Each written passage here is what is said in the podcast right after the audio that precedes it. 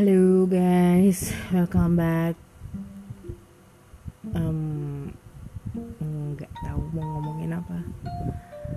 Tapi yang pasti uh, aku mau ngomongin tentang bucin-bucin di luar sana ya. Budak-budak cinta yang di luar sana yang ngerasa kalau uh, pasangannya itu adalah nomor satu. Diingat lagi ya sebenarnya cinta itu ada karena kebiasaan sih gitu. Jadi jangan mau menjadi bucin.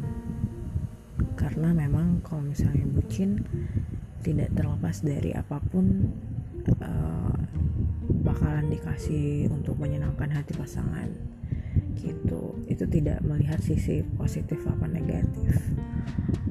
Aku hanya pengen bilang kalau misalnya kalau udah pernah pasti udah udah merasakan dan udah pernah mengalami dan sudah pernah melakukan sesuatu yang bodoh gitu dan tidak ingin melakukan hal yang sama tentunya. Jadi buat kalian-kalian di luar sana yang belum pernah menjadi bucin aku saranin gak usah deh gitu. Jangan terlalu menomor satukan cinta. Karena kalau misalnya kalian menomor satukan cinta ujung-ujungnya kecewa.